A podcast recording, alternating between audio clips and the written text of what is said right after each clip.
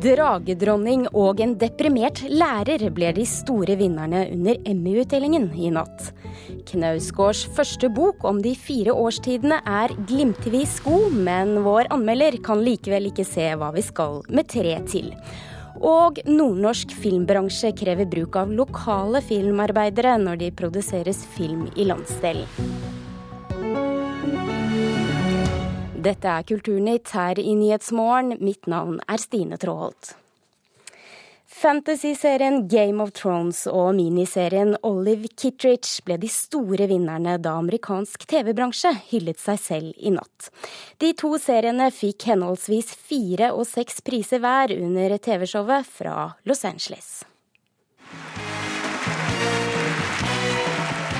Hello! The Emmys are all about celebrating the best of the year in television, so sorry, books, not tonight! Suck it, books! Beklager bøker, men det her er TV-serienes aften, sa konferansier Andy Samberg i natt, men der tok han egentlig feil. For de to største dramavinnerne i natt er begge basert på bøker. And the Emmy goes to Game of Thrones. I fem sesonger har Game of Thrones underholdt med sverd, drager og blodig kamp om kongetrona. Det har resultert i til sammen 18 Emmy-priser. Fire av dem kom i natt, og for første gang prisen for beste dramaserie. I takketalen lova produsent David Benioff at det kommer mer om ikke så altfor lenge. Now, the, the in, in Belfast, Northern Ireland, and in. Uh, we wouldn't be standing up here if it wasn't for them. So thank you all so much. Look forward to seeing you in a few days. And the Emmy goes to Olive Kittredge. Minidramaserien Olive Kitteridge, også den basert på et litterært verk, var serien som tok storeslem i natt med hele seks priser, bl.a. til hovedrolleinnehaver Frances McDormand. Yeah, it was amazing. We're here to tell the tale. It was a hard job. We are so thrilled. We love Olive Kittredge. Thank you. Bye-bye. Thanks. And the Emmy goes to John Hamm. Matt Serien Mad Men har fått en drøss med priser gjennom seks sesonger, men hovedrolleinnehaver John Hamm fikk i natt sin aller første Emmy etter å ha vært nominert 16 ganger. There has been a uh, terrible mistake, clearly. Uh, thank you for that. Um, this is impossible. It's impossible to be named with all of those extraordinary gentlemen. It's impossible to be standing here, up here. I en nokså rolig og beherska seremoni var det også på tide med en historisk pris i natt, da Viola Davis ble tidenes første svarte vinner av prisen for beste skuespillerinne i en dramaserie. Det får sin hovedrolle i How to Get Away with Murder. people who have redefined what it means to be beautiful, to be sexy, to be a leading woman, to be black. And to the Taraji P. Hensons, the Kerry Washingtons, the Halle Berrys, the Nicole Baharis, the Megan Goods, thank you for taking us over that line.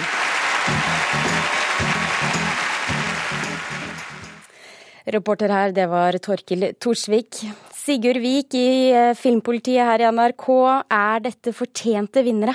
Jeg syns stort sett at det var gode vinnere under nattens eh, Emmy-utdeling. Det gjør jeg virkelig. Jeg syns det var veldig gledelig at eh, John Ham endelig fikk sin Emmy for hans fantastiske Don Draper i, i Mad Men. Han har vel rekord i å ikke vinne når han har vært nominert. Jeg tror det er elleve ganger han har vært nominert til ulike Emmy-priser og ikke fått dem. Så det var på tide at denne reklamemannen fikk sin eh, pris. Syns det var veldig gledelig at uh, uh, Modern Family ikke vant, som var den uh, forhåndsfavoritten som har vunnet de fem tidligere årene, og som kunne ha blitt den mestvinnende komiserien noensinne. Ikke, Den er god, men den er ikke så god, så jeg syns det var veldig fint at Weep vant i, i komiserien. Og så var det jo hyggelig med norske øyne at Christopher Hibjus, Game of Thrones, fikk sin første dramapris, og selvfølgelig Olive Kittridge og er en meget verdig vinner i miniseriekategorien, og ikke minst en eh, store Den gjorde jo store slem i miniseriekategorien, og Viola Davis uh, må ærlig innrømme at jeg har ikke sett så mye på den serien, så der skal ikke bedømme kvalitetene, men det var en veldig rørende og, og viktig og god tale hun holdt i, i, etterkant, og der var det jo et gjennombrudd for Emmy. Mm. Vi må dvele litt mer ved Oliver Kittridge, for uh, selv om uh, de må dele mye av de store prisene her med Game of Thrones, så er det ikke så mange som har hørt om denne miniserien. Kan du fortelle litt om hva slags serie dette er? Ja, det er en vakker liten serieperle. En litt sånn mollstemt, skal vi si karakterdrama, nesten, som sentrerer rundt Olive Kittridge, da, spilt av Frances McDormand, som mange kjenner fra bl.a. Fargo-filmen, som er en litt sånn lett deprimert, men, men grepa dame som lever i et forhold med sin mann Henry Kittridge, en farmasøyt spilt av Richard Jenkins, og de har en sønn i lag, og de, de omgås mennesker, og mennesker omgås dem, og de påvirker hverandre, og det er litt trist, og det er litt glede, og det er en god sånn eh, psykologisk side ved det her. Så å, å hoppe litt i tid Det er fire veldig utsøkte episoder. Jeg vil ikke si så mye om handling, for folk skal jo få lov til å glede seg til å se det her, og ikke komme og hamre med knyttneven og si 'du avslører handlinga', så jeg skal være forsiktig, men, men en veldig vakker og veldig sånn velskrevet, god dialog, vakre bilder, flott komponert. Ja, en, en, verdig vinner, absolutt. Både Game of Thrones og Olive Kitchich er HBO-serier. Eh, hva sier dette om eh, produksjonsselskapets eh, posisjon i markedet nå? Jeg kan hive inn at Weep også er en HBO-serie som vant på komiserier, så, så, det viser jo at HBO fremdeles er det som blir ansett som den store kvalitetsserieleverandøren. De har fått mange gode venner inn i det selskapet, altså, men det er jo en, en egenskap de både har branda seg sjøl med, og som de har fått tillagt av andre, at HBO betyr kvalitet. Nå er er det jo mye rart som går på HBO òg, men, men, det er klart de har fått et veldig boost nå. De, de gjør jo rent bord sånn sett i, i de kategoriene, og med veldig forskjellige serier veldig forskjellige kvalitetsserier. Det var noe snedig Rob Love av alle sa før uh, Emmy starta i, i, natt. Uh, skuespilleren kjent fra bl.a. Waynes World, Parks and Recreation og The West Wing, som var en, en banebrytende serie. Han sa at det som er så fint med TV-serier nå, at vi har så mange muligheter til å fortelle historiene. Vi har så mange plattformer å fortelle dem på. Du kan se binge-watche, du, altså du kan seriefråtse 13 episoder på rappen hos Netflix, og du kan kose deg uke til uke. altså Det er så mange varianter, og det har jo HBO faktisk klart å omfavne litt. og, og nei, det, det var en gledelig Emmy-runde i, i natt, det var det absolutt. Til slutt, Sigurd Vik. Eh, for første gang så gikk prisen til beste skuespillerinne i en dramaserie til en svart kvinne. Hvorfor har det tatt så lang tid? Nei, si det. Nå er jo øh, det Det er jo lett å, å være enig i det Viola Davis sjøl sa. Altså, det, det, rollene må komme, og rollene har kanskje ikke vært der. Jeg, jeg vet ikke, det, det, er en drøy påstand å si, men hvis man følger hennes resonnement, så, så, er det jo det, det, må jo være gode roller der til å begynne med, og de har kanskje mangla litt fra TV-bransjens side. Og så er jo Emmy en forholdsvis eh, tradisjonsbundet og ganske, eller har vært ganske nøktern. Hvis du går gjennom nominasjonslistene bakover i tid, så ser du de samme seriene. Du ser Alle elsker Raymond ganske mange år, og du ser The West Wing ganske mange år, og du ser Så, så det er litt sånn, så det har kanskje vært litt, uh, litt tungrodd. Men nå har de endra litt på uh, matematikken, hvordan uh, man stemmer fram vinnerne, og det ser ut til å ha gitt litt utslag. Så det er en litt mer variert bukett vi har sett i år av prisvinnere. Sigurd Vik, takk for praten om Emmy-utdelingen i natt.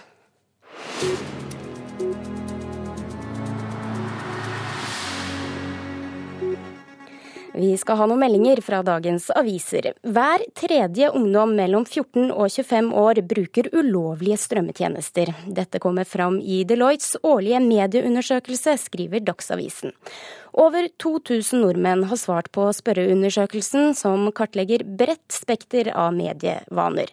Førsteamanuensis Erik Vilberg ved Handelshøyskolen BI sier til avisa at film- og mediebransjen i større grad må tilpasse seg produktene sine til hvordan brukerne ønsker å konsumere dem på.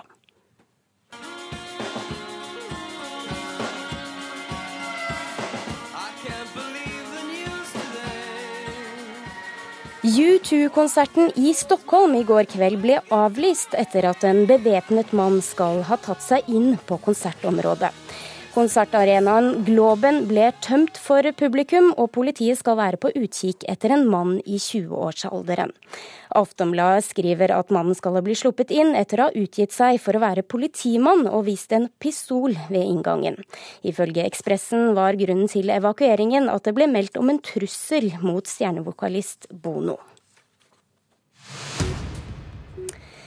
Fire år etter at Carl Ove Knausgård sa seg ferdig som forfatter med romanen eh, Min kamp bok seks, er han tilbake med en ny skjønnlitterær bok. Om høsten er en av, de første, en av den første av fire bøker som skal følge årstidene. Og etter Min kamp-suksessen er det store forventninger til bøkene som nå kommer. Eh, Marta Norheim, litteraturanmelder her i NRK. Knausgård er altså langt fra ferdig som forfatter, men likevel så holder han seg unna romansjangeren. Hva er det han har skrevet denne gangen?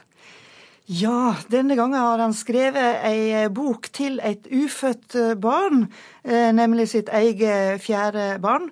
Og der skriver han dels disse brevene der han forteller hvem han og familien er, presenterer seg, så å si.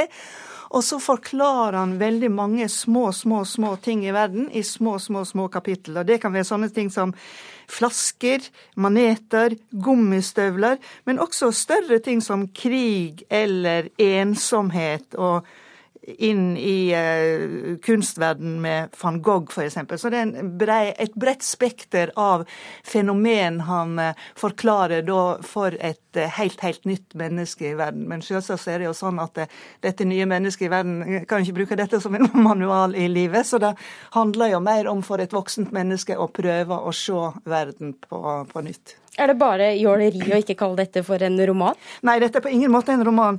Eh, dette her er, altså Han skrev i Min kamp bind 2, da skrev han at det oppdikta ikke lenger har en verdi for han. Og det dokumentariske hadde heller ingen verdi. Det eneste han så meningen var dagbøker og essays, der det ikke nødvendigvis handla om så mye, men der den egne personligheten fikk komme fram. Og det er hans prosjekt nå. Altså Han skriver ikke, han skriver ikke romaner, han skriver ikke dokumentarisk, men han skriver i dette tilfellet essays, uh, mini-essays på en måte, da, der han går inn i alle disse tingene. Så han følger for så vidt uh, sitt eget program, da. Ja, og er fortsatt da privat, sånn som vi kjenner fra eh, Min kapp? Ja, i den grad det er privat å skrive under en plastpose. Altså, det er jo mye mindre utleverende, dette her. Det er, jo, eh, det er jo nettopp å fortelle verden. Men det som er annerledes ifra Min kamp, er jo, som, som det ligger i, i tittelen, det var jo en, en, veldig kamp. ikke sant? Kamp mot indre demoner, kamp mot ytre stengsler, kamp mot en, en far som var overveldende. Og, og uh, her er det en veldig forsont forfatter. Han, han, er glad i barna sine. Det var jo en del eh, konflikter med det med å bruke altfor mye tid på barna når han ville skrive romaner i min kamp, men nå er han liksom glad i barna, glad i jorda, greve, greve i, eh, i, jorda som han eier sjøl, og ser gresset gro og eplene bli modne. Så det er, det er en helt annen type forsona holdning til verden her. Men språklig så kjenner du igjen Knausgård også dette med at han går inn i noen veldig konkrete ting, og så ekspanderer han ut i noen veldige filosoferinger. På sitt beste så er det også bra, på sitt verste er det litt uh, snålt. Ja, altså han, han holder på denne ideen sin om serier. Du sier det er litt sånn snålt. Gleder du deg til fortsettelsen her? Ja, altså det, det, snåle Det er jo alltid plass til gode bøker. Denne her er god, og noe er ikke så godt. Altså det, det snåle er når han overfortolker og legger fryktelig mye inn i veldig små ting. Jeg tenker at det er greit med ei sånn bok, men det er klart hvis de neste er knallgode, så skal vi jo alltid stakle noen bøker til. Så for å oppsummere da, du er enig med både kritikkene i, i VG og, og Bergens Tidende, som er veldig ujevne blanda? Ja, det er veldig ujevne tekster. Det er veldig ujevne tekster. Altså Noen av dem er litt sånn funnet på og egentlig litt uforløste, som det heter på språket. Men, eh, mens andre er skikkelig gode. Sånn at eh, litt mer luking eh, i eh, de tre neste, så blir det fine bøker, dette her. Ok, han følger, Knausgård følger opp uh, suksessen til Min kamp uh, med et håp om at det kan bli bedre, kan vi vel kanskje si da, uh, litteraturkritiker Marta Norheim. Du hører på Kulturnytt, og klokken er eh, passert eh, kvart over åtte, og dette er hovedsakene denne morgenen. Tallet på tilfeller av angst og depresjon i Norge kan halveres med bedre forebygging, mener professor. Det venstreradikale partiet Syrsa vant en klar seier i gårsdagens valg i Hellas. Og det er fortsatt ekstrem fare for ras i det ustabile fjellpartiet i Mannen i Romsdal.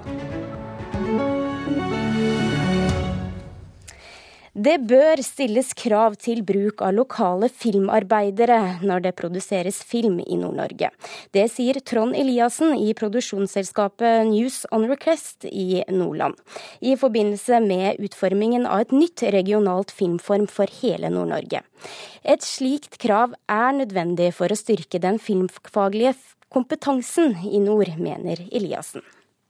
Som regel så er det jo nordlendinger med når det produseres i Nord-Norge. Eh, men vi ønsker jo at den andelen skal økes, og vi ønsker også at eh, miljøet både i Troms, Finnmark og Nordland skal være livskraftig nok til at det blir attraktivt for både utenlandske og norske produsenter kom hit og bruk oss eh, fordi vi er flinke. Det kan du si. Det var jo fem, fem fond før som fikk Nordnorsk filmbransje samla i Tromsø for å diskutere form og farge på et felles nordnorsk filmfond. Kravet om et filmfond som favner hele landsdelen, kommer fra kulturministeren, som vil ha færre, men større regionale filmfond over hele landet. Nå er diskusjonen i gang om hvor det nordnorske fondet skal ledes fra, hvordan det skal organiseres, og ikke minst hva slags krav man skal stille filmskapere og produsenter som søker om økonomisk støtte. Det nye fondet må ikke bare stille krav til hvor mye penger en filmproduksjon skal legge igjen i landsdelen, mener filmprodusent Trond Eliassen. Fondet bør også stille krav til bruk av lokale filmarbeidere. Vi er jo mer opptatt av fotografer og lydfolk enn hotellovernattinga. Så det er så enkelt som det.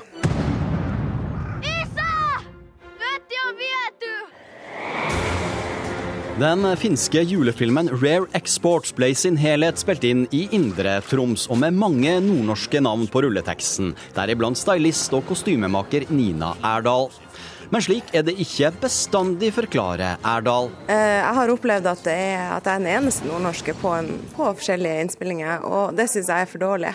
Så enten så må vi bli flinkere her og, og altså øke kompetansen og profesjonaliteten på filmarbeidere, eller så må produsentene eh, gjøre andre valg. Men det må jo matches. Altså, det er jo sånn at det, Fylkene må jo minst gå inn med like mye som staten. Nordlandspolitiker Trud Berg sitter i arbeidsgruppa for Det nordnorske filmfondet, som etter planen skal være oppe og gå i løpet av 2016.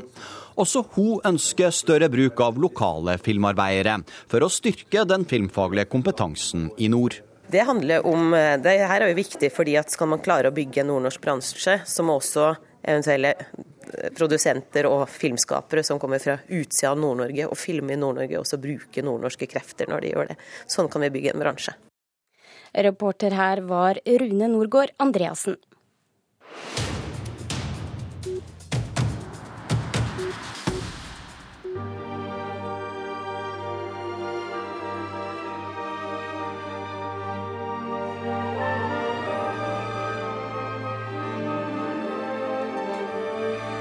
Her hører vi fra Jules Masnets elegi, som er kanskje det mest kjente musikalske temaet fra balletten Manot, fremført av Operaens orkester.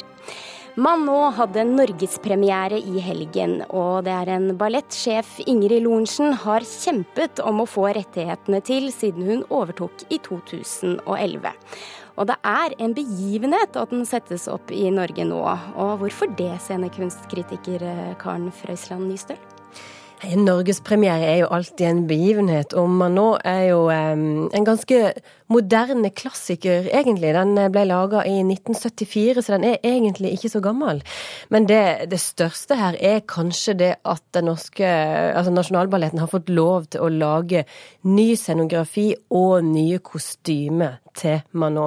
For eh, hvis vi skal sammenligne med vår egen scenekunstvirkelighet, så kan vi kanskje parallellføre med, med det som Torbjørn Egner skrev for scenen. Der ligger det ganske strenge regler for hva man får lov til å gjøre, og hva man eventuelt eh, skal endre. Hvis man skal endre noe, så må man ha, ha lov til det.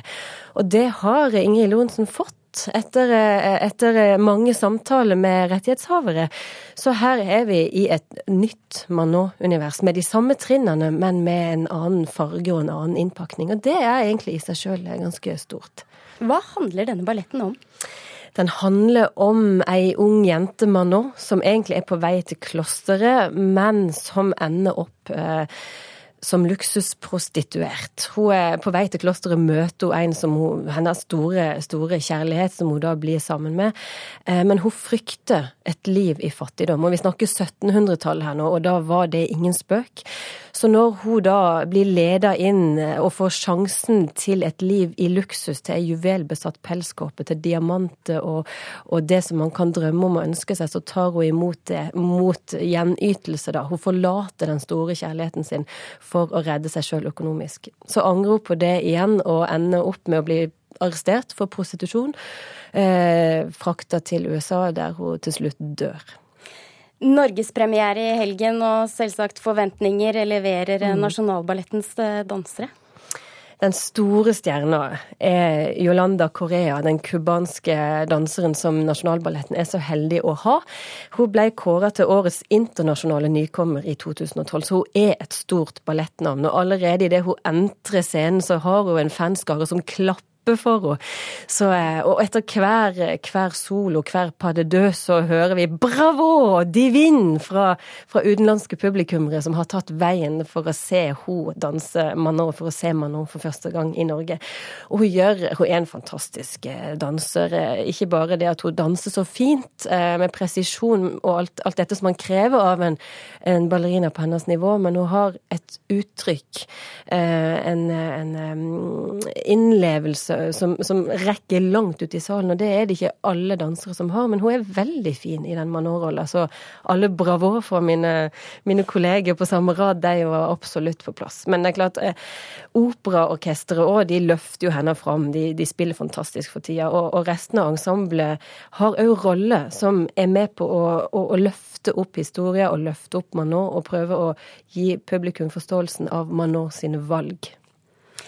Det har uh, en ballett, som du sa, som rettighetene har bevoktet strengt til, men som uh, Nasjonalballetten har fått lov å sette sitt preg på med ny mm. scenografi og kostymer.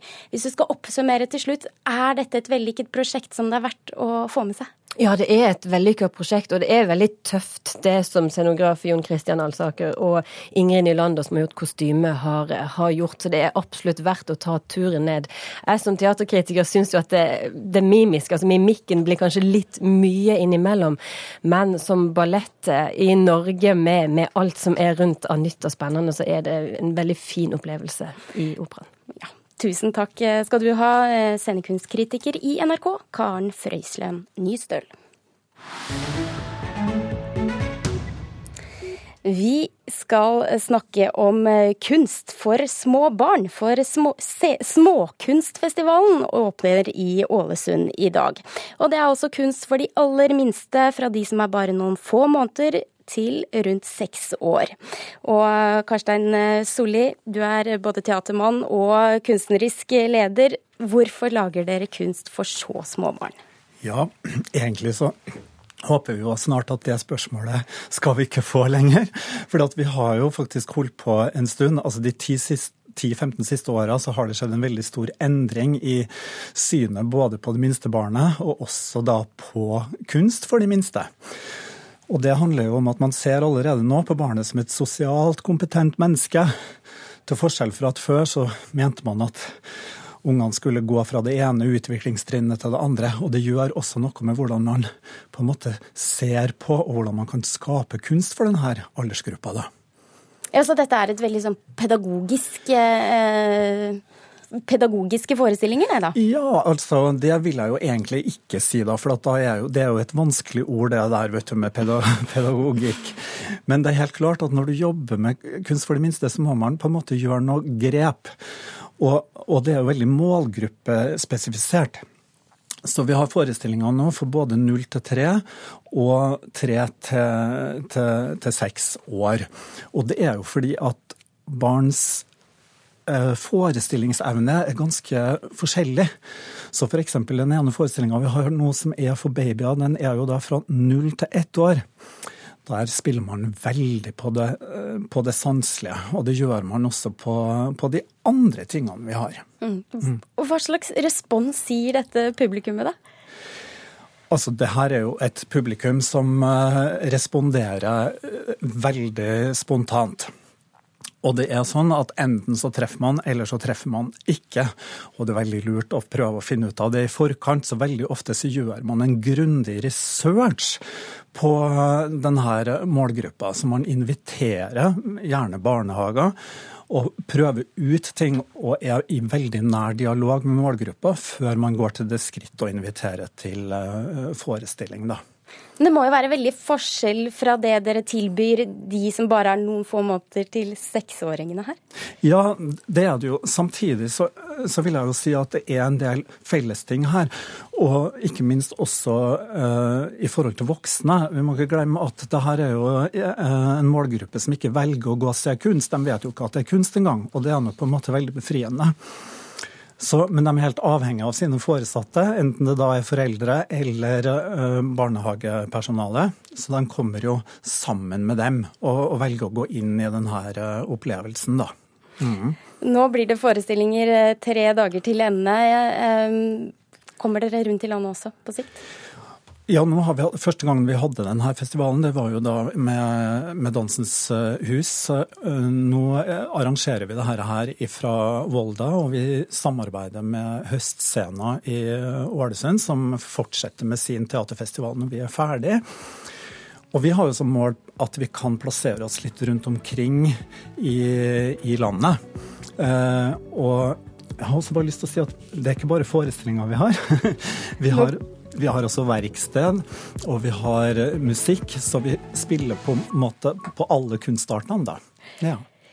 Karstein eh, Solli, tusen takk for at du kom, og lykke til. Og jeg skal da avrunde denne sendingen med å fortelle at ansvarlig for den var Gjermund Jappé. Og Teknikk ble styrt av Guri Hertzberg Finnsveen. og så får du flere kulturnyter utover dagen på nrk.no. Mitt navn er Stine Tråholt, og vi er tilbake i morgen 8.03.